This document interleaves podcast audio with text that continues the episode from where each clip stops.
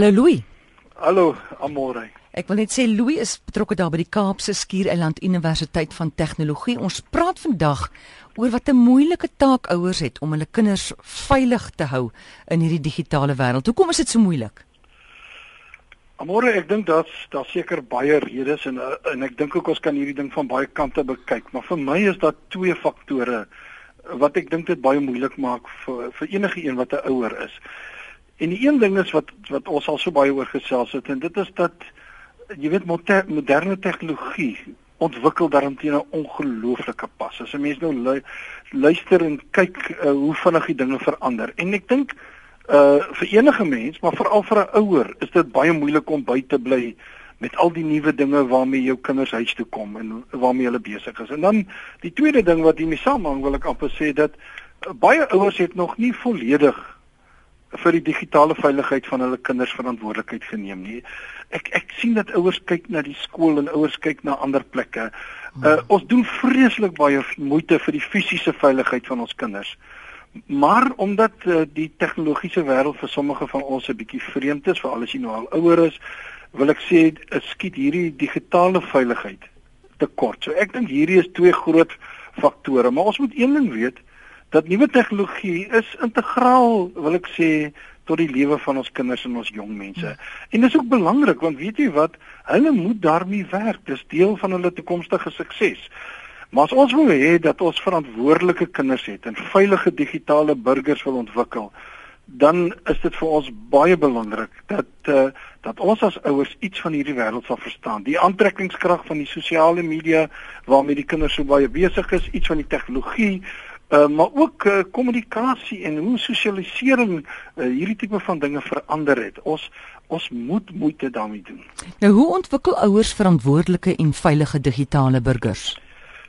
Kyk, heel dikwels is die eerste reaksie van ouers mos om uh, te sê, kom ons blokkeer dit. Kom ons verbied hierdie uh, goed. En en ek ek hoor altyd ook dat mense baie keer soos ek en jy al gepraat het, dan vra hulle vir my, watter tegnologie is daar om uh, my kind se se foon of die internet te beveilig.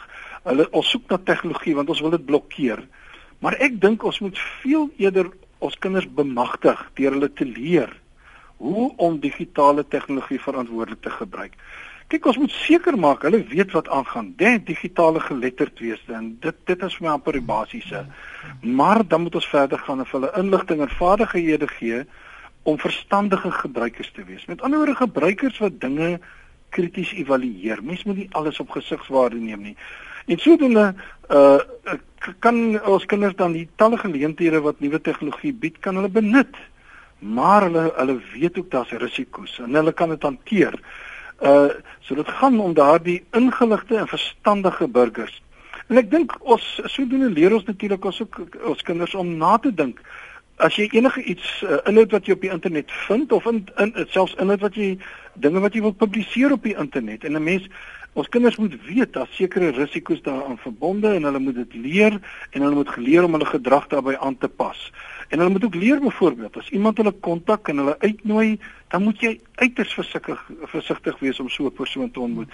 Dis dis die basiese goed wat ons kinders oor veiligheid geleer het, moet ons nou maar net begin toepas ook binne die digitale omgewing. Ons moet praat daaroor uh, met ons kinders.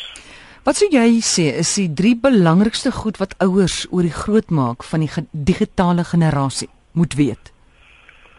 Wie ek dink in die eerste plek ouers moet weet dat enige ding, enige iets wat jy digitaal stuur of dit nou per e-pos is, die die ou tydse manier soos die kinders sê van dinge doen. En of dit nou 'n teksboodskap op jou slimfoon of selfoon is en of dit iets iets is wat jy aanlyn publiseer weet jy wat jy kan dit nooit terugtrek nie. Daai foto wat jy daar opgesit het bly daar vir ewig ek weet daar's lande wat nou groot moeite doen dat 'n uh, uh dat dit uh, moet weer afgehaal kan word. Dit hoef nie permanent daar te bly nie maar dis nie oral so nie. Jy kan dit nie terugtrek nie. En daar is toepassings of toeps soos uh, Snapchat wat vir jou sê maar ons vee die boodskap uit na 'n sekere aantal uh, sekondes of sodra jy dit gelees het, maar mense is blitsig. Hulle kopieer hom vinnig op die skerm. Uh, dis of hulle kopieer die skerm en, en dan bær hulle hom. So mens moet weet, dit is altyd aanlyn wat jy gepubliseer het. En dan die tweede ding is wat ouers moet begin aanvaar is dat ons kinders is aan baie meer tegnologie blootgestel as wat ons besef. Dis nie maar net die tegnologie van hulle van hulle uh, selfoon of slimfoon wat hulle het nie. Dis ook die tegnologie van die skool. Dis ook as hulle gaan speel, 'n videospeletjie speel by die bure. En ek en ek dink as mense begin dink aan reëls en veral riglyne wat ons kinders so nodig het, dan moet ons die tipiese dag of die tipiese week van ons kind in ag neem. En dan in die laaste plek wil ek sê al voel ons as ouers soms of dit absoluut onmoontlik is om met die tegnologie by te bly, het ons nie 'n keuse nie.